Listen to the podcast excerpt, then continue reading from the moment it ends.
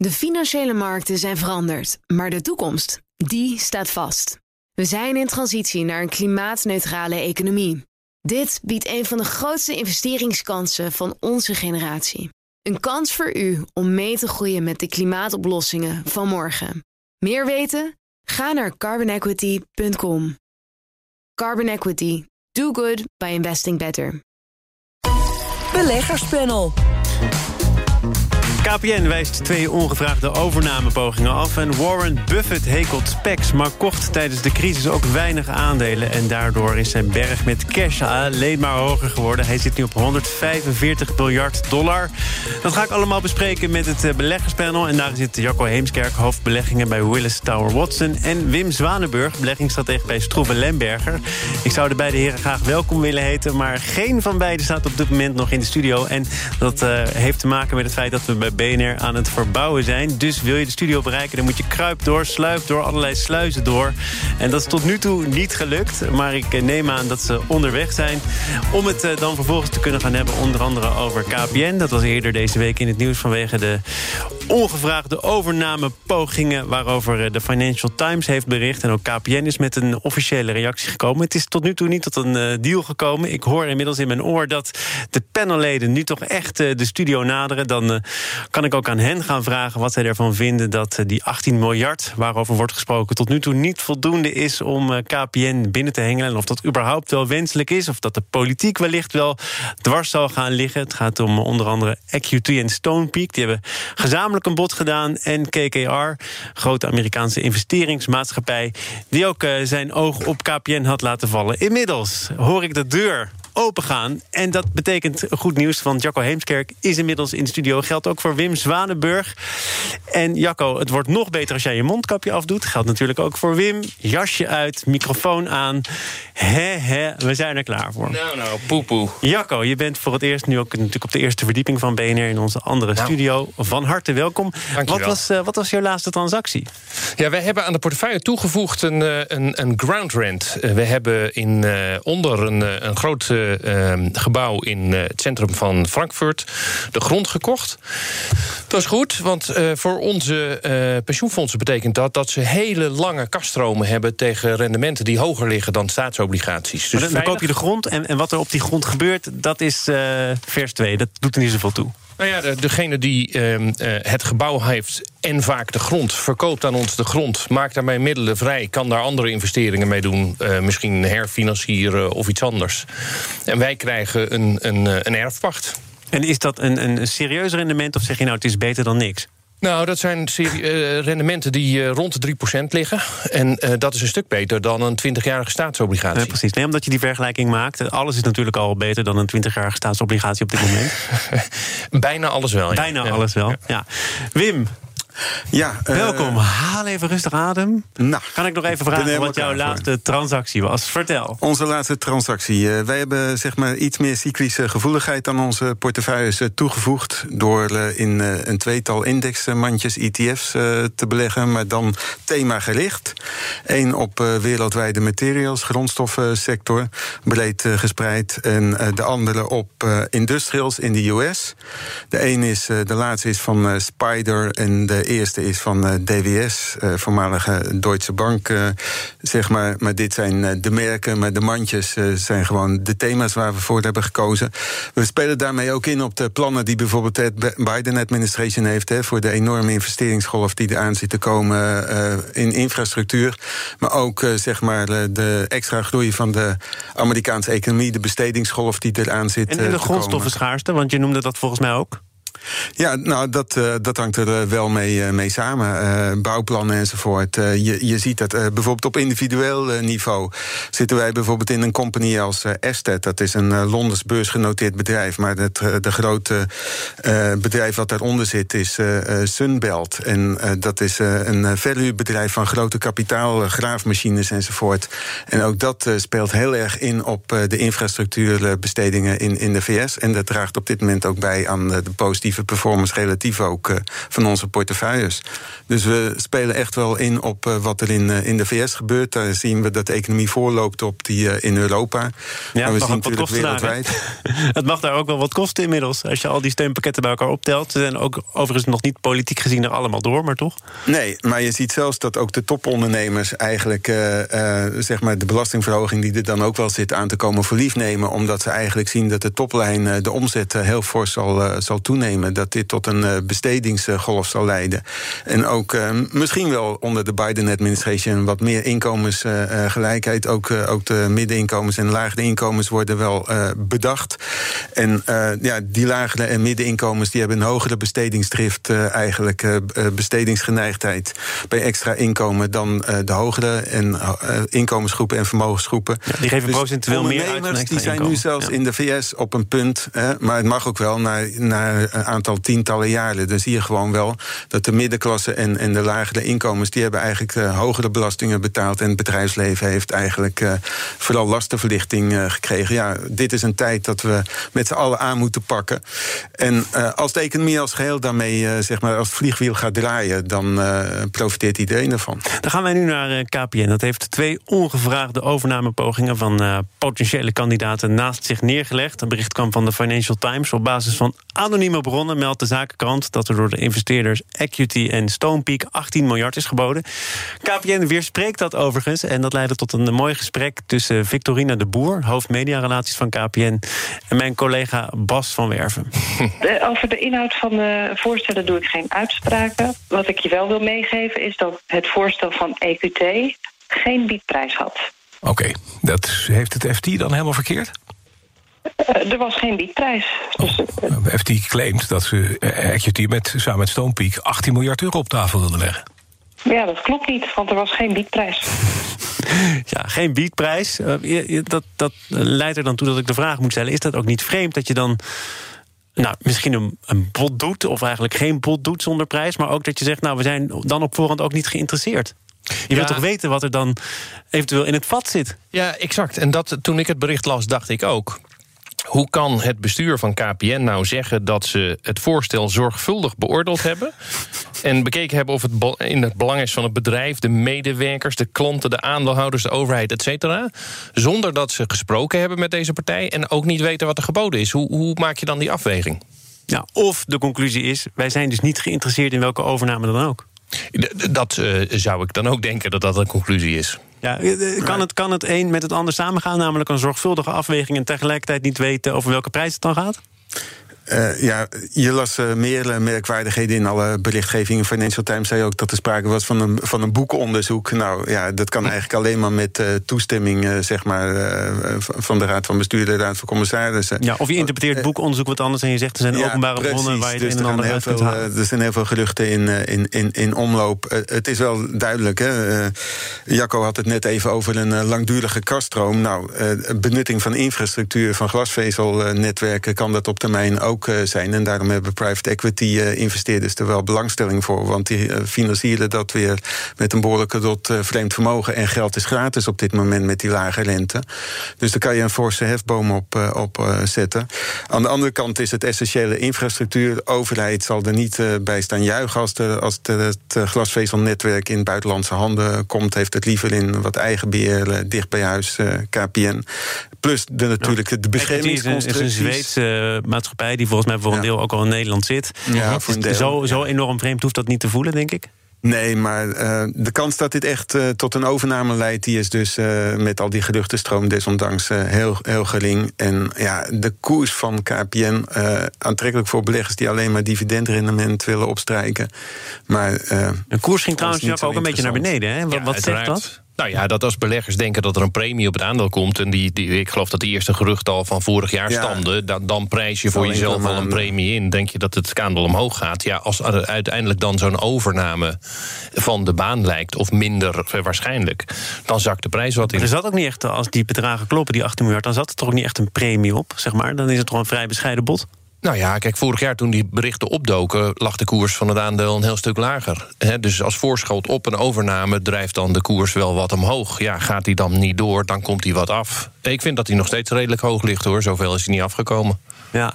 Um, wanneer moet je hier eigenlijk officieel op reageren? Want Joost Voorwerk was uh, te gast een tijdje terug in dit programma, BNR Zaken doen. En toen heb ik hem hier ook naar gevraagd. En ja, dat, dat, ja, dat zijn geruchten. En, uh, ja, daar, ja, nou, dat, daar ga ik niet officieel op in. En nu komt er dan toch wel naar buiten dat die overnamepogingen eh, zijn ondernomen en dat daar afwijzend op wordt gereageerd. Wanneer moet je als bedrijf iets met een steviger gerucht?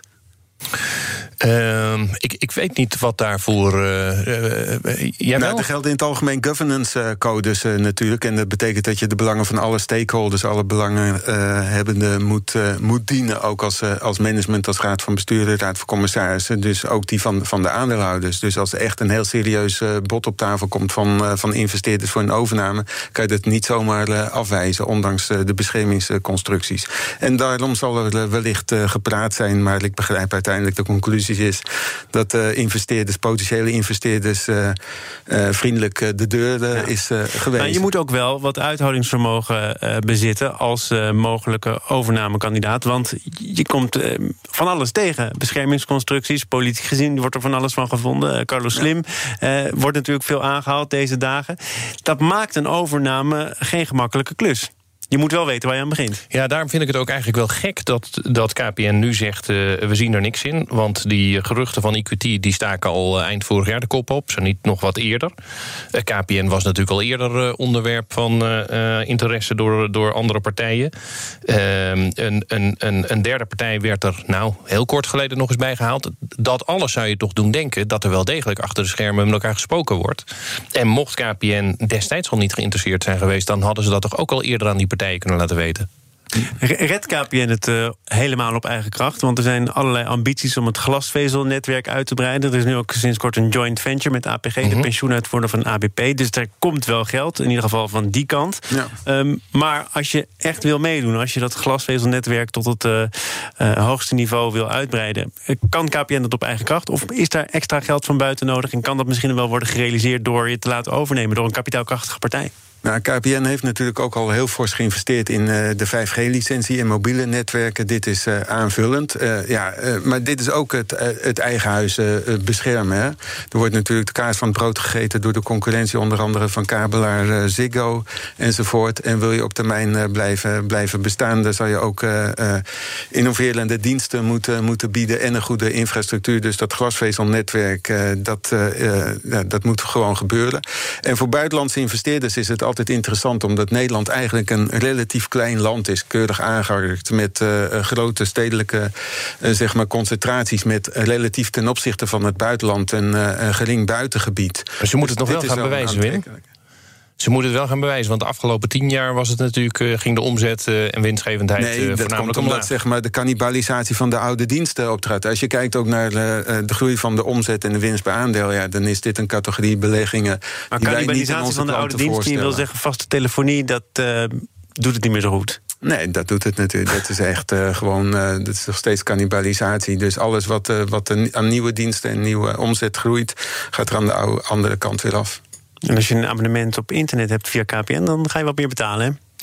Misschien. We nee, dat is zo. Anderhalve euro per maand. Oh, je weet het zelf. En terwijl ik niet eens klant ben, moet je nagaan. Ik heb me gewoon niet meer data. Ik heb me gewoon een beetje ingelezen, ja. Okay. We gaan uh, over innovatie gesproken naar een oude getrouwe.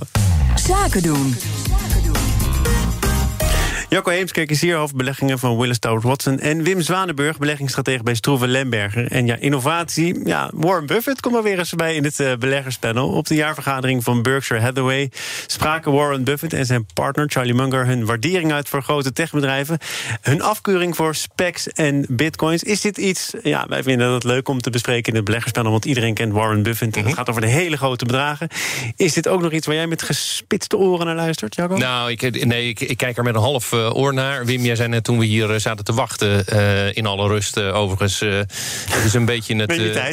Het Woodstock, ja. voor, het Woodstock Festival voor beleggers. Hè, die, die grootste, grote bijeenkomst, het is een soort reunie.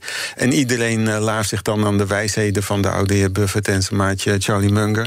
Maar natuurlijk van ook kijkend naar de leeftijd. Ja, het is wel vermakelijk. Vraagt mensen altijd af van, zal de opvolger even goed, de aangewezen opvolger overigens, even goed gaan presteren. Maar zelfs eerlijk gezegd op de prestatie van de heer Buffett. Met alle respect en diep respect voor zijn leeftijd en voor zijn activiteit. Maar kijk je. Afgelopen... Dit komt hard aan bij Warren, denk ik. Ja, maar kijk je gewoon afgelopen tien jaar, of afgelopen vijf jaar, of afgelopen drie jaar, of afgelopen jaar. dan presteert Berkshire Hathaway, dat is het grootste beursvehikel, niet beter dan de SP 500. En het is eigenlijk een groot conglomeraat... wat voor de helft verzekeringsmaatschappij is... en voor de andere helft die uh, beleggingsinvesteringsportefeuille. En Warren Buffett, ja, we hadden het net over technologie... is lange tijd argwanend uh, geweest. Maar inmiddels is de grootste belegging, uh, aandelenbelang... is toch Apple. En daar heeft hij inderdaad wel laat... maar van ingezien dat dat inderdaad een cashmachine is. overigens, de recente performance van Berkshire Hathaway... year-to-date is wel redelijk goed. Want er zitten tamelijk uh, cyclische componenten in. Je weet nog wellicht dat ze ooit ook uh, treinmaatschappijen als Santa Fe enzovoort hebben over, overgenomen. Dus dat uh, die onderdelen presteren wel goed. Maar dat verzekeringsbedrijf, die hele grote holding General Insurance. Nou, maar hij, hij heeft geld om, om een gokje te wagen. En in zijn geval denk ik een educated guess. Want hij loopt al een tijdje mee. Hij zit op 145 miljard aan cash. Ja, ik vond het, ja. dat, dat vond ik ook wel leuk. Dus, dat, daar doe je dan toch wat mee? Dat stap je toch ergens in? Nou ja, hij heeft de rust om niks te doen. En hij gaf af op de... Op de, oh, op de specs, op de, de specs. Daar, daarvan zei hij... Uh, die gelijk in. Ja, die zitten op net zoveel geld als ik. Uh, maar ja, die jongens die moeten wat uitgeven, want dat is het verdienmodel. Dus ja, als je een pistool tegen je hoofd krijgt en je moet wat kopen, dan koop je wat. Dat kan nooit goed zijn. Uh, dus dat is niet een model waar je, waar je in moet geloven. Ik vond dat eigenlijk wel aardig. Zeker omdat in de afgelopen maanden natuurlijk hier in Amsterdam... behoorlijk wat specs naar de beurs kwamen dan we hebben aangekondigd. Voor de mensen die de afgelopen maanden niet goed hebben opgelet... wat is een spec ook alweer? Moet toch nog eventjes worden Een zak geld die je aan iemand geeft... Waarmee die, een soort blanco cheque waarmee die bedrijven kan kopen. Ja. Het staat eigenlijk voor uh, Special Purpose Acquisition Company. Hè. Dus de doelstelling is dan geld inderdaad bij elkaar te brengen... en dan op zoek te gaan naar een prooi voor een overname. En meestal is er een bekende investeerder, financier... die zijn naam erachter zet en eigenlijk beleggers, geldschieters... steken dan in op de reputatie van die geldschieter. Van die en als het lukt, dan krijgt diegene ook een behoorlijke commissie. Ja, mm -hmm. en die verdient er als eerste voor zijn. Maar inderdaad, je geeft een, een blanco cheque aan. Er zijn nog wat regels uh, omtrent specs... waardoor ze uiteindelijk nee kunnen zeggen. Maar het staat echt diametraal ten opzichte van de filosofie... die Warren Buffett natuurlijk voor staat. Maar, die zegt het, altijd, beleg alleen in die dingen... waar je verstand van hebt en dat je weet waarin je belegt. En dit is eigenlijk inderdaad... Ja, maar goed, Warren Buffett uh, belegt, belegt, in, belegt niet of uh, in zijn eigen bedrijf. Want hij heeft eigen aandelen ingekocht. Betekent dat dat hij dat dan kennelijk een betere deal vindt... dan, uh, dan het stoppen in bedrijven op de markt? Nou ja, dat geeft in ieder geval aan dat hij, uh, dat hij tijdelijk niet weet waar hij zijn geld in moet stoppen. Dat is één. Het tweede is dat hij zijn best doet om het toch voor de aandeelhouder nog iets van rendement ja. uit te halen door aandeleninkoop uh, te, te, te, doen. Um, en zoals jij net zei, Wim, hij heeft de afgelopen tien jaar heeft hij op een value-strategie gezeten in plaats van een growth-strategie. Dus hij heeft niet in, in al die techbedrijven geïnvesteerd die het zo goed hebben gedaan. Daarmee heeft hij de boot gemist. Ja, nou ja, goed, als je zo lang meegaat, dan kan het een keertje tien jaar tegen zitten. Het kan een keertje tien jaar tegen zitten. Hij heeft het heel goed gedaan natuurlijk te, te, tijdens de mondiale financiële crisis, ja. hè, 2007, 2009. Toen heeft hij met name ook Bank of America gered door daar uh, fors te investeren in preferente aandelen. Was eigenlijk bijna, kon je zeggen, een soort vorm van, nou, daar komt de echte beschuldiging, een soort vorm van voorwetenschap. Gewoon uh, bilateraal onderhandelen op gunstige condities. En zo kan je inderdaad rendement maken. En, maar daar Wim, lag ook de kritiek natuurlijk uh, de afgelopen dagen... dat hij in de, in de periode vorig jaar, in maart... toen alle aandelen met 30, 40 procent omlaag gingen... dat hij toen niet heeft toegeslagen. Ja. Nog en dat was eigenlijk wat hij altijd wel zei. Hè? Van als het bloed door de straten ja, stroomt, dan moet je instappen. En ja, maar hij zat al op een, hij zat met, op een grote zak met geld, heeft het onvoldoende gedaan vorig jaar. Er stapt nu iemand in, ja, een blik op de toekomst van hmm. 58. Het had namelijk ook iemand kunnen zijn van 69, geloof ik. Maar uh, Warren Buffett zegt, ja, dit moet iemand zijn die 20 jaar... in ieder geval aan het hoofd van het bedrijf kan staan. Mijn potentiële opvolger, dat is Greg Abel. Um, kent u hem, Jacco? Nee, ik ken hem niet. Nee. Ik moet zeggen dat ik, uh, ik ken hem ook onvoldoende, maar je, je leest wel dan uh, wat andere beleggingsanalisten op Wall Street en bijvoorbeeld Morningstar schreef. En van Morningstar is net afgelopen weekend een rapport verschenen waar ze nogal wat twijfel over hem uiten. Dus moet je het willen opvolger worden van Warren Buffett? Ja, dat is. Kijk, ik, ik, ik zei net even wat. ik, ik uitte wat kritische opmerkingen, onder andere ook over zijn performance tijdens de mondiale financiële crisis. In de jaren negentig heeft Warren Buffett het echt wel uitstekend uh, gedaan. Toen heeft hij echt uh, zijn superreputatie uh, gevormd. Inmiddels twintig jaar geleden. inmiddels is hij zelf in de negentig, eigenlijk vanaf de jaren tachtig. ik heb zeker ook, ook, ook respect. Maar om er zomaar kritiekloos in te stappen en denken van Berkshire Hathaway is het beleggingsfonds dat alle anderen kan verslaan, dat blijkt toch een, een moeizame affaire. Over investeren als het bloed door de straten loopt, niet helemaal, misschien is het al behoorlijk opgedroogd. Maar de VDL-groep heeft een bod gedaan van 152 miljoen euro op het ook beursgenoteerde Newways maakt elektronische onderdelen voor eh, de auto-industrie. VDL bezit overigens al meer dan 20 jaar een groot deel van de aandelen. Het afgelopen jaar van Newways, dat wekt geen verbazing, was niet best. 4 miljoen verlies, de omzet daalde met 10% Moet je er dan inspringen? Nou, misschien wel. En, en daar zullen verschillende redenen zijn om het, uh, om het te doen. Eén ehm, is natuurlijk het bedrijfsmodel van VDL zelf. En daar zou het goed in kunnen passen. Hè. Bedrijven die minder goed lopen, toch uh, aan je boezem drukken en, en verbeteren. Tweede is, ze zitten ook in de waardeketen van, van VDL. Dus ze zijn toeleverancier aan VDL. VDL heeft, en dat las ik volgens mij vandaag of gisteren ergens in de krant... ook problemen met de toelevering van, van onderdelen. Hè. Dus je kunt, je kunt je ook voorstellen dat ze zeggen... als we toch wel zo'n groot belang hebben... laten we het uh, in huis halen. Zodat we zekerder zijn van, uh, van onze productie. Dat dit boel niet op slot gaat. Um, en voor de rest, ja, of het een goed moment is om in te stappen. Nou, je zit er al twintig jaar eigenlijk eerste rang als grote aandeelhouder... en je denkt, dit moet het dan maar zijn. Ja, klaarblijkelijk. Nee, maar je, je ziet dit... Uh, je ziet veel van dit soort strategische overwegingen op dit moment. Hè. Zeg maar in uh, het businessjargon uh, verticale integratie. de toeleverancier aan je borst drukken. Apple heeft dat bijvoorbeeld ook gedaan... dat ze chips in eigen huis gaan, gaan, gaan maken. Eigen ontwerp en eigen productie. Om je afhankelijkheid te reduceren afhankelijkheid te verminderen. En dat is ook wat VDL doet. En de VDL uh, merkt nu dat ze hele goede vooruitzichten hebben. Die auto-industrie trekt weer enorm aan. Maar de, ja, als je op dat moment juist uitgerekend dan de onderdelen niet kunt nee. leveren. Maar op basis waarvan kun je nu de waarde van een bedrijf vaststellen? Want er is een andere aandeelhouder die zegt... nou, dit is een schraal bot, dit moet je eigenlijk niet serieus nemen. en dan kun je natuurlijk wijzen op 2020. Dat was inderdaad geen goed jaar. en dan 2021, het toch atypisch herstel ook nog wel met wat twijfel omgeven. Ja, wat leg je dan op tafel voor zo'n bedrijf? Kun je daar iets zinnigs over zeggen? Ja, natuurlijk kun je daar iets zinnigs over zeggen. Dat ligt er maar net aan aan welke kant van de tafel je zit. dus wil je een lage prijs, dan wijs je op vorig jaar. Wil je een hoge prijs, dan, dan, dan wijs je op wat er in de toekomst allemaal mogelijk is. En om bij elkaar te komen uiteindelijk... Uh, zal er misschien wel wat uh, water bij de wijn moeten. Ja, er wordt natuurlijk door overname consultants uh, meegerekend. En die, en die hebben allerlei omzetprognoses. En die zien mogelijk nog wat synergievoordelen. Wat mogelijkheden om in de kosten van de overheid te snijden enzovoort. Om logistiek wat uh, te verbeteren.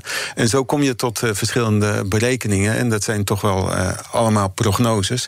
En die zijn voor de verschillende marktpartijen verschillend. En ja, als je net een, een, belangetje hebt gekocht, al dan niet toevallig. En ja, over belangetje kopen. Een, Want ik geloof dat jij komt, weet waar dit over gaat. Er is uh, een, een, uh, een aandeelhouder van Newways, Bernard ten, Do ten Doeschot. Uh -huh. Die heeft nog even snel, vrijdag, net na de bekendmaking van het bod... 3% Newways gekocht. Is dat een kwestie van uh, slim meeliften? Speelt daar wat anders? Ik denk het. Ik, ja, hij, hij, hij, hij, publiek schrijft hij dat hij, dat hij het niet eens is met, met het bod, dat hij het te laag vindt. En dan zou je kunnen denken, ik koop een paar procent bij uh, in de hoop dat dat meer waard wordt. Of je daarmee kunt afdwingen dat er, uh, dat er iets gebeurt, dat is nog de vraag.